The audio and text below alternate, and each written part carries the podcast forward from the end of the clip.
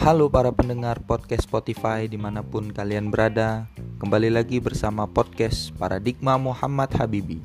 Podcast yang membahas hal-hal faktual mengenai sistem ketatanegaraan, politik, perkembangan politik, perkembangan demokrasi dan penegakan hukum di Indonesia. Oke, uh, kita kali ini akan membahas hal-hal uh, faktual yang kita ambil berdasarkan pemberitaan di media konvensional dan juga info-info di media sosial dan eh, akhir-akhir uh, ini wacana amandemen UUD 1945 kelima kembali mencuat isunya mengenai mengembalikan uh, garis besar haluan negara atau istilah lainnya yaitu pokok-pokok haluan negara yang ditetapkan oleh MPR. Selain itu, uh, wacana amandemen UUD 1945 akan menambah uh, masa jabatan presiden menjadi tiga periode atau lima tahun lagi pasca 2024. Selain itu, ada hal filosofis uh, menarik yang dipertanyakan oleh berbagai pakar dan didiskusikan bersama masyarakat baik itu di media konvensional maupun di media sosial yakni apakah urgensi uh, amandemen UUD 1945 kelima uh, di dalam masa pandemi seperti saat ini. Nah, uh, para pendengar sekalian, mungkin kita sudah mahfum atau mengetahui ya mengeta mengenai uh, amandemen atau perubahan konstitusi kita yaitu UUD 1945. Nah, sedikit saya jelaskan bahwa konstitusi itu merupakan hukum dasar atau hukum tertinggi. Dia sifatnya luas, berbeda dengan uh, konstitusi negara. Konstitusi negara itu spesifik mengatur uh, ketatanegaraan dan sistem pemerintahan. Nah, kalau konstitusi itu kan uh, ketika misalnya kita memasuki sebuah organisasi, kita pasti memiliki konstitusi, yaitu anggaran dasar dan anggaran rumah tangga misalnya, atau di statuta misalnya dan lain sebagainya. Tetapi kalau di negara itu memiliki undang-undang dasar. Nah, kalau uh, di Indonesia, Undang-Undang Dasar itu uh, yakni Undang-Undang Dasar Negara Republik Indonesia tahun 1945 itu sudah beberapa kali terjadi perubahan. Baik sebelum perubahan maupun sesudah perubahan. Sebelum perubahan itu di masa uh, sebelum reformasi 98 ke atas gitu ya. Seperti pada zaman Orde Lama, Orde Baru itu terjadi uh, pergantian undang-undang dasar bentuknya berubah gitu. Tetapi kalau di uh, pasca reformasi pasca lengsernya Presiden Soeharto dari tampuk kekuasaan uh, maka uh, bentuk undang-undang dasar itu tetap namun materinya yang dirubah. Nah saya mungkin tidak perlu menjelaskan uh, panjang lebar ya mengenai apa namanya uh, pergantian perubahan dan lain sebagainya terhadap konstitusi sebelum reformasi karena apa? Secara umum kita mengetahui bahwa konstitusi itu dirumuskan oleh uh, para the founding fathers ya uh, Republik kita yang terhimpun dalam panitia persiapan kemerdekaan Indonesia itu sebelum tanggal 18 Agustus 1945 di mana menurut atau ucapan dari ketua uh, PPKI yang disingkat uh, PPKI ya panitia persiapan kemerdekaan Indonesia itu ialah Bung Karno atau Presiden Insinyur Soekarno, presiden pertama kita yang mengatakan bahwa Konstitusi Negara Indonesia atau Undang-Undang Dasar uh, Negara Republik Indonesia tahun 1945 itu merupakan revolusi groundwork atau hukum dasar sementara. Artinya ketika ada yang mengatakan bahwa kita harus kembali ke naskah asli UUD 1945 itu tidak betul.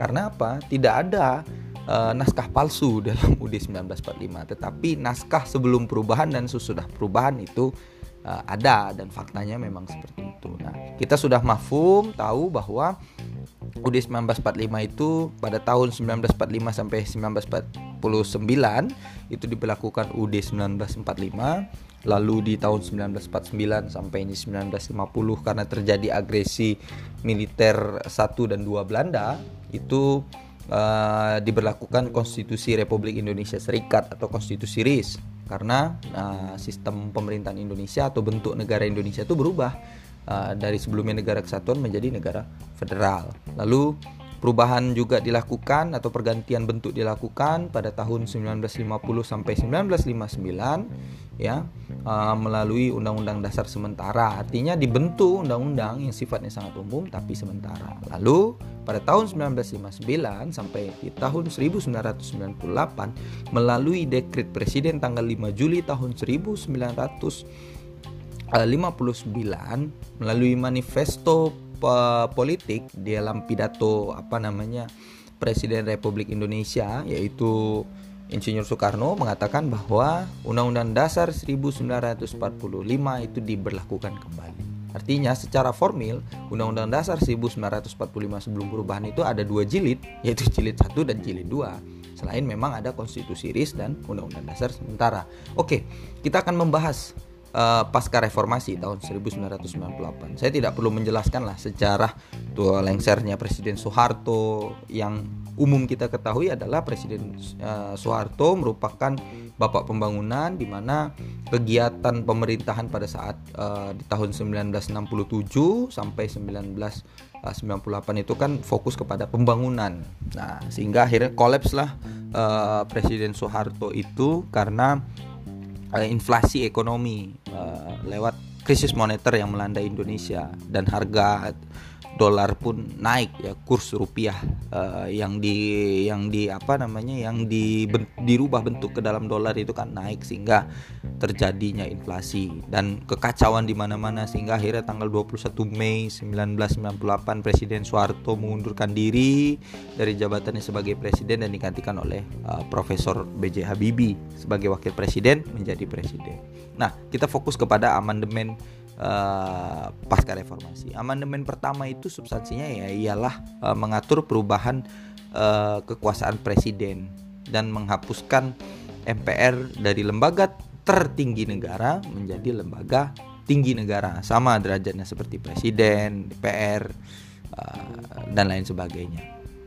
Mengapa pembatasan kekuasaan itu dilakukan di dalam amandemen UUD 1945? Karena ketika kita baca naskah komprehensif dari perubahan UUD 1945, kita melihat gagasan dari uh, guru besar hukum tata negara Universitas Indonesia yaitu Profesor Yusril Iza Mahendra SHMSI ya uh, MSc M, ya pada pada saat itu mengatakan bahwa uniknya di sistem ketatanegaraan kita presiden itu merupakan uh, pemimpin revolusi mandataris MPR Lalu GBHN garis besar haluan negara ditetapkan oleh MPR dan dijalankan oleh presiden.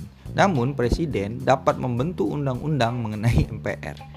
Nah, pertanyaannya jika undang-undang MPR itu dicabut oleh uh, legislatif lewat kekuatan presiden, maka uh, kedudukan MPR itu dalam praktik itu akan goyang sehingga konstitusionalisme itu tidak berjalan dengan baik. Sehingga akhirnya dihapuskan GBHN dan dihapuskanlah presiden uh, sorry uh, dihapuskanlah MPR itu sebagai lembaga tertinggi negara seperti itu. Lalu uh, itu fokusnya. Dan kenapa pembahasan uh, kekuasaan presiden itu sangat dibatasi? Masa jabatannya lalu uh, apa fungsi kekuasaan itu dibatasi. Karena presiden itu di Indonesia dia merupakan dua subjek dalam negara yaitu sebagai kepala negara dan kepala pemerintahan.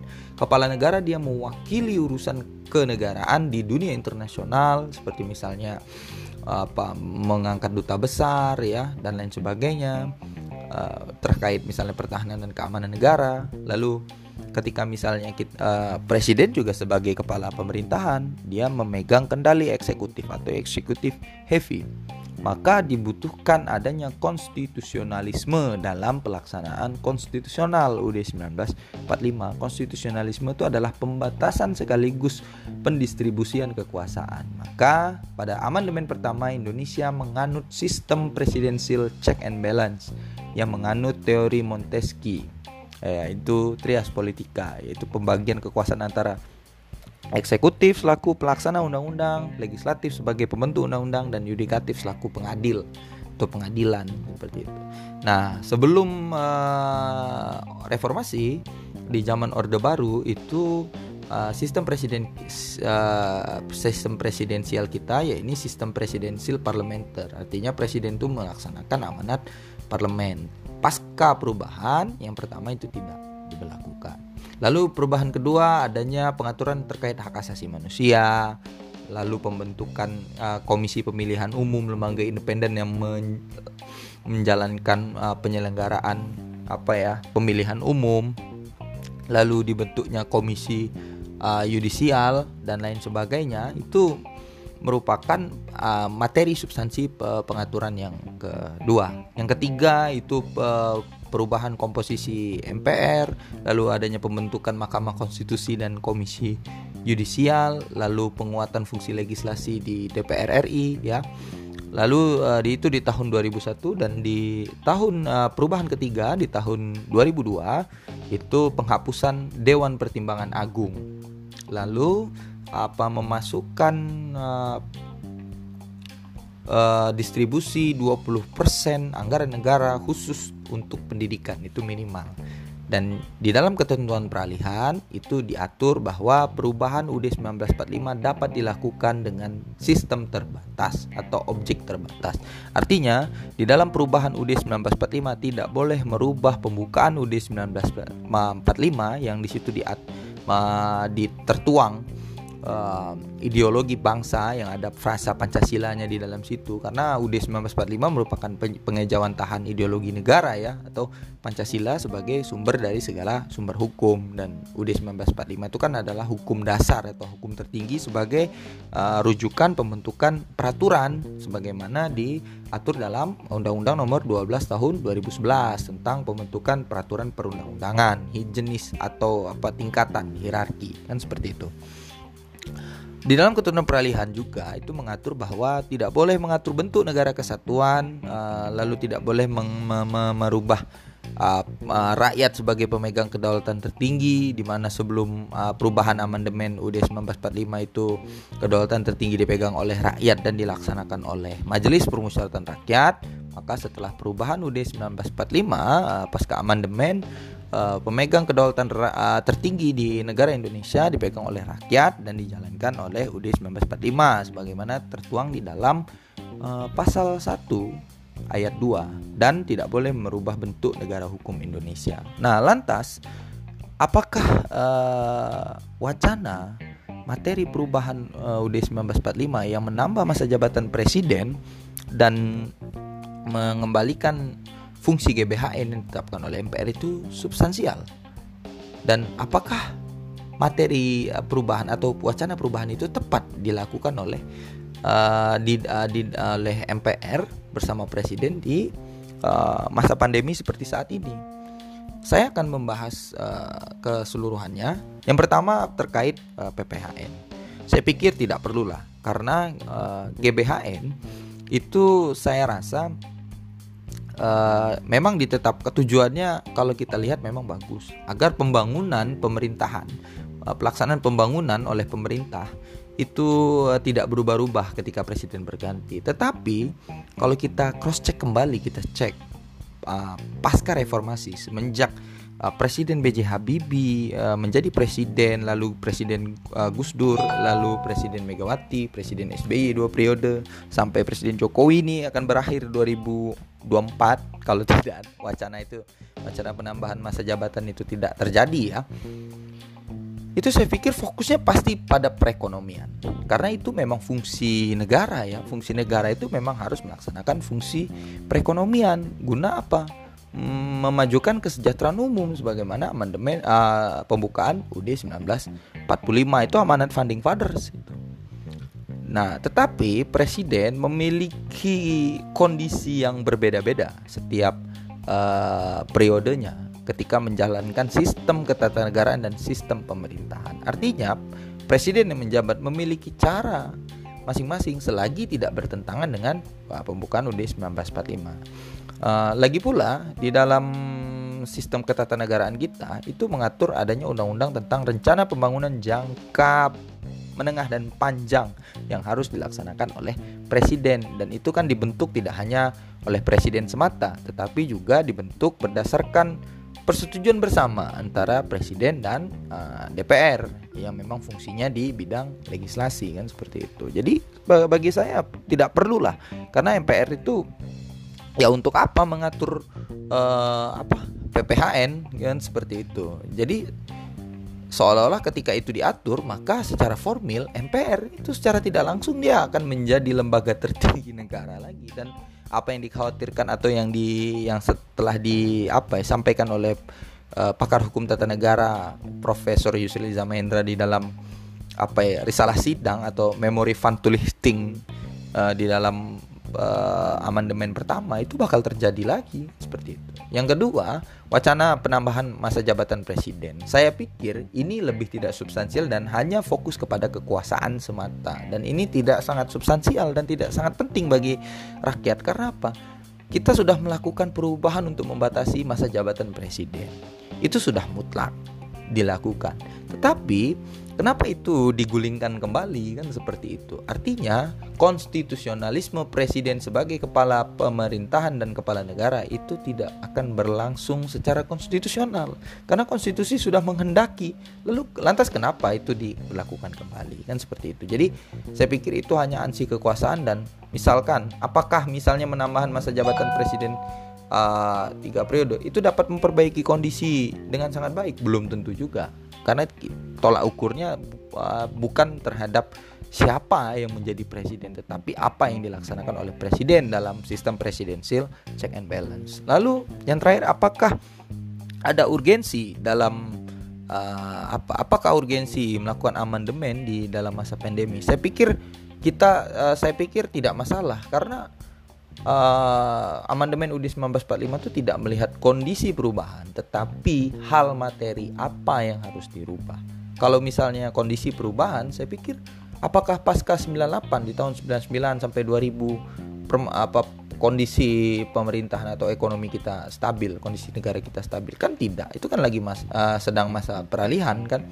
Tapi amandemen bisa saja dilakukan dan terbukti dilakukan karena memang kehendak rakyat menginginkan adanya amandemen UUD 1945. Tapi yang harus kita lihat apakah materi pengaturannya itu berdampak pada kondisi ketatanegaraan dan fungsi pemerintahan saat ini. Nah, kalau saya mengusulkan di setiap uh, saya sudah menulis beberapa artikel ya terkait amandemen UUD 1945 dan saya merucut uh, merucut kepada tiga hal pokok yang harus diatur. Pertama, fungsi partai politik yang harus diatur dalam bab tersendiri dan kedua adalah penguatan ke, uh, lembaga kejaksaan ya, yang harus diatur dalam bab tersendiri dan yang ketiga pemisahan uh, fungsi uh, judicial review atau pengujian undang-undang oleh Mahkamah Agung dan Mahkamah Konstitusi. Yang pertama, fungsi partai politik. Partai politik itu kalau kita lihat di dalam konstitusi itu pengaturannya hanya terdapat di dalam pasal 6A ayat 2 yaitu Presiden dan wakil presiden diusung oleh partai politik atau gabungan partai politik peserta pemilihan umum.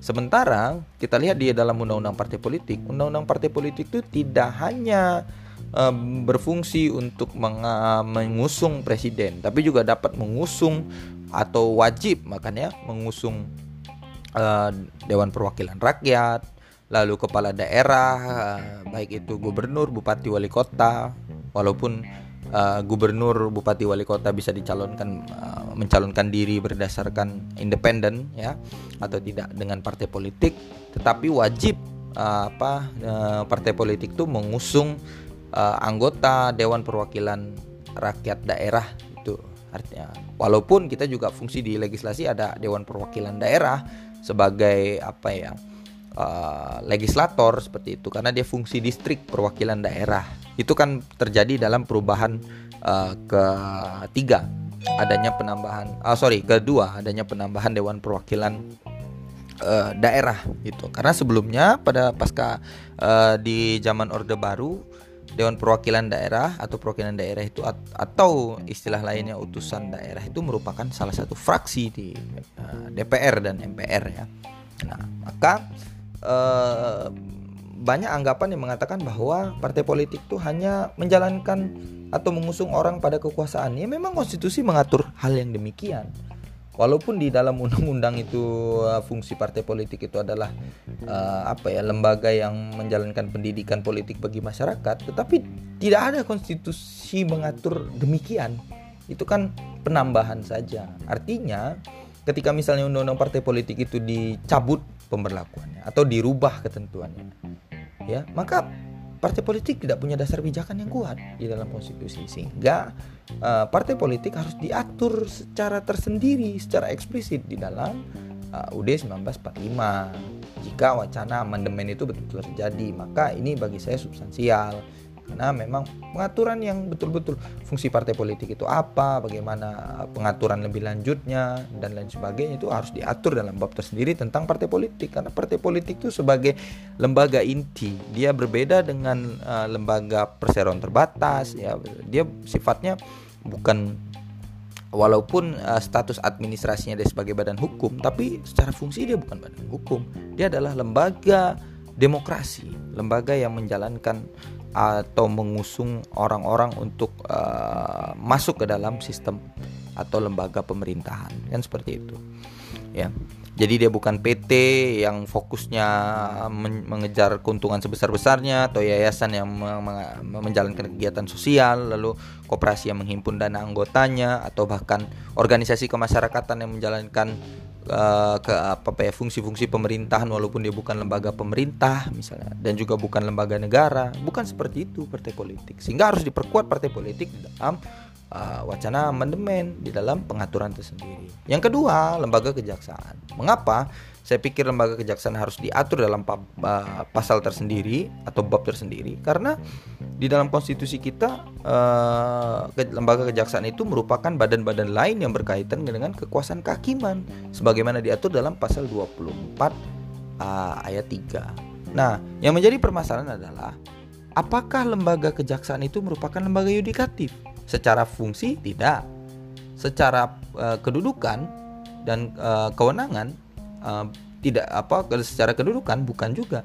Karena apa? Dia sebagai lembaga pemerintahan. Jelas frasa tersebut di dalam uh, apa, pasal 1 huruf A ya, Undang-Undang uh, nomor 16 tahun 2004 tentang kejaksaan bahwa kejaksaan merupakan lembaga pemerintah yang menjalankan hmm, fungsi presiden di bidang penuntutan. Jadi sudah jelas, kejaksaan itu sama seperti kepolisian sebagaimana diatur ya fungsi kepolisian, kedudukan dan kewenangan uh, kepolisian dalam hal penegakan hukum dalam pasal 33 uh, bab pertahanan dan keamanan ayat 4 di mana uh, Polri ber, uh, berwenang melakukan uh, penegakan hukum untuk menjalankan ketertib uh, untuk menjaga ketertiban masyarakat ya uh, lalu apa namanya uh, kedudukannya dia sebagai lembaga pemerintah itu itu sudah jelas tapi Mengapa kejaksaan itu tidak diatur sedemikian rupa seperti halnya dengan Polri? Saya uh, teringat ya uh, ketika uh, Profesor Yusuliza Mahendra mengajukan uh, judicial review ya menguji konstitusionalitas uh, mengenai kedudukan uh, masa jabatan jaksa agung.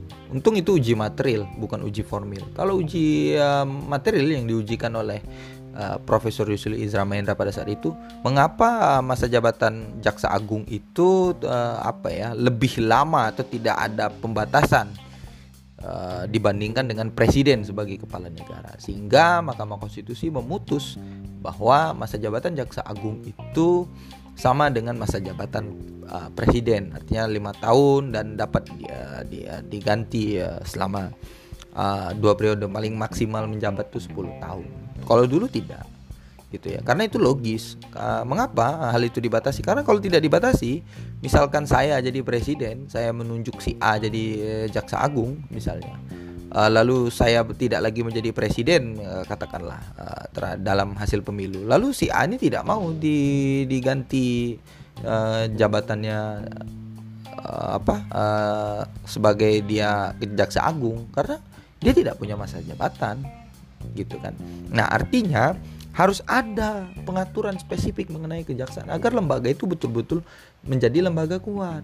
Ketika misalnya kita me me melihat dan menyaksikan isu uh, uh, uh, pada tahun sebelum 2019 yaitu di periode presiden pertama Joko Widodo itu kan uh, jaksa agung uh, pernah menjadi politisi itu kan menjadi problem juga. Karena apa? Tidak kuatnya pengaturan mengenai kejaksaan di dalam UUD 1945.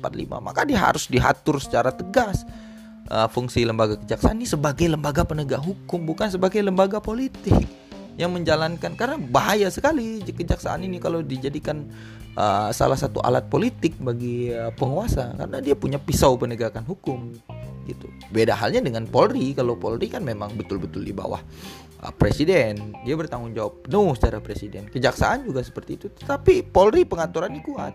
Sehingga undang-undang uh, mau bagaimanapun perubahannya jelas tugas Polri adalah penjam uh, penjaga ketertiban masyarakat dan juga apa namanya sebagai penegak hukum. Tapi kalau kejaksaan belum tentu. Karena apa? Frasanya tuh sumir sekali atau abstrak karena dia badan-badan lain yang berkaitan dengan kekuasaan kehakiman. Banyak sekali badan-badan lain yang berkaitan dengan kekuasaan kehakiman. Bahkan eh, Bawaslu itu juga berkaitan dengan kekuasaan kehakiman karena dia punya peradilan tersendiri gitu ya. Lalu peradilan pajak itu juga badan yang berkaitan dengan kekuasaan kehakiman. Artinya harus jelas. Kalau tidak jelas maka ya kejaksaan menjalankan saya tidak pernah membayangkan ya. Saya saya tidak bagaimana saya membayangkan ketika ada yang menguji formil Undang-Undang Nomor 6 tahun 2004, lalu undang-undang itu dicabut, lalu kejaksaan ini dibubarkan, lantas bagaimana penegakan hukum kita? Nah, hal-hal substansial ini menurut saya yang harus uh, dijadikan isu uh, dalam wacana amandemen UUD 1945 yang kelima. Dan yang terakhir pemisahan fungsi antara uh, judicial review antara Mahkamah Agung dan Mahkamah Konstitusi. Diperkuat saja kewenangan Mahkamah Agung itu menguji perkara yang sifatnya umum dan khusus. Jangan dia menguji. Memang di dalam konstitusi kan memang apa ya?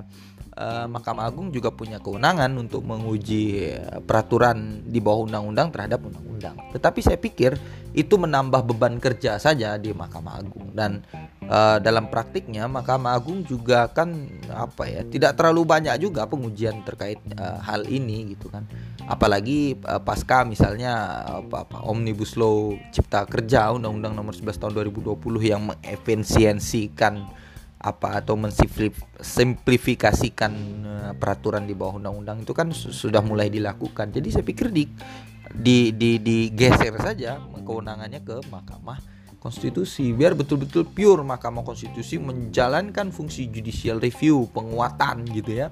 Penguatan judicial review secara penuh gitu. Selain memang tugas pokoknya tidak di, di, dirubah. Seperti misalnya uh, menguji undang-undang terhadap undang-undang dasar tetap menyelesaikan apa memutus sengketa lembaga negara tetap gitu ya dalam UUD 1945 lalu membubarkan partai politik lalu menyelesaikan apa memutus sengketa hasil pemilihan umum dan menguji pendapat DPR atas uh, presiden yang melanggar konstitusi ya dalam jabatannya atau pemakzulan atau impeachment presiden. Nah, uh, guys, uh, para pendengar podcast uh, sekalian, mungkin itu uh, sedikit ya ilmu atau sharing lah ya uh, pemikiran saya uh, paradigma saya dalam wacana amandemen UD 1945 yang kelima. Ini bukan uh, apa ya pendapat yang mutlak. Namanya negara kita ini adalah negara yang menganut kebebasan berpendapat atau demokrasi walaupun diatur ya kebebasan itu. Artinya yes, menurut saya hal-hal seperti ini harus uh, rutin dilakukan oleh uh, baik itu apa ya, ya akademisi maupun pakar ataupun praktisi hukum tata negara, praktisi hukum, praktisi politik, lalu akademisi hukum, akademisi politik, akademisi pemerintahan dan sebagainya. Bahkan termasuk mahasiswa gitu ya. Uh, dan anak muda. Jadi anak muda jangan anti terhadap hal-hal yang sifatnya substansi normatif seperti saat ini gitu ya.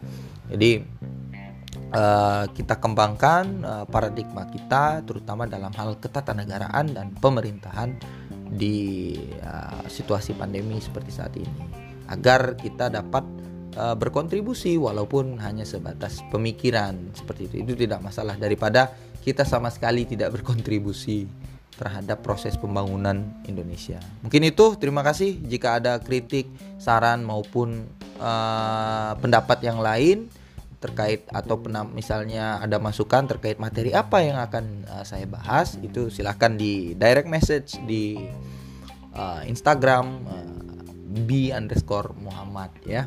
M-nya double. Dan mudah-mudahan di pertemuan berikutnya kita bisa podcast dengan mengundang narasumber ya. Gitu. Baik itu akademisi ya aktivis maupun uh, praktisi. Mungkin uh, demikian. Terima kasih, sampai jumpa.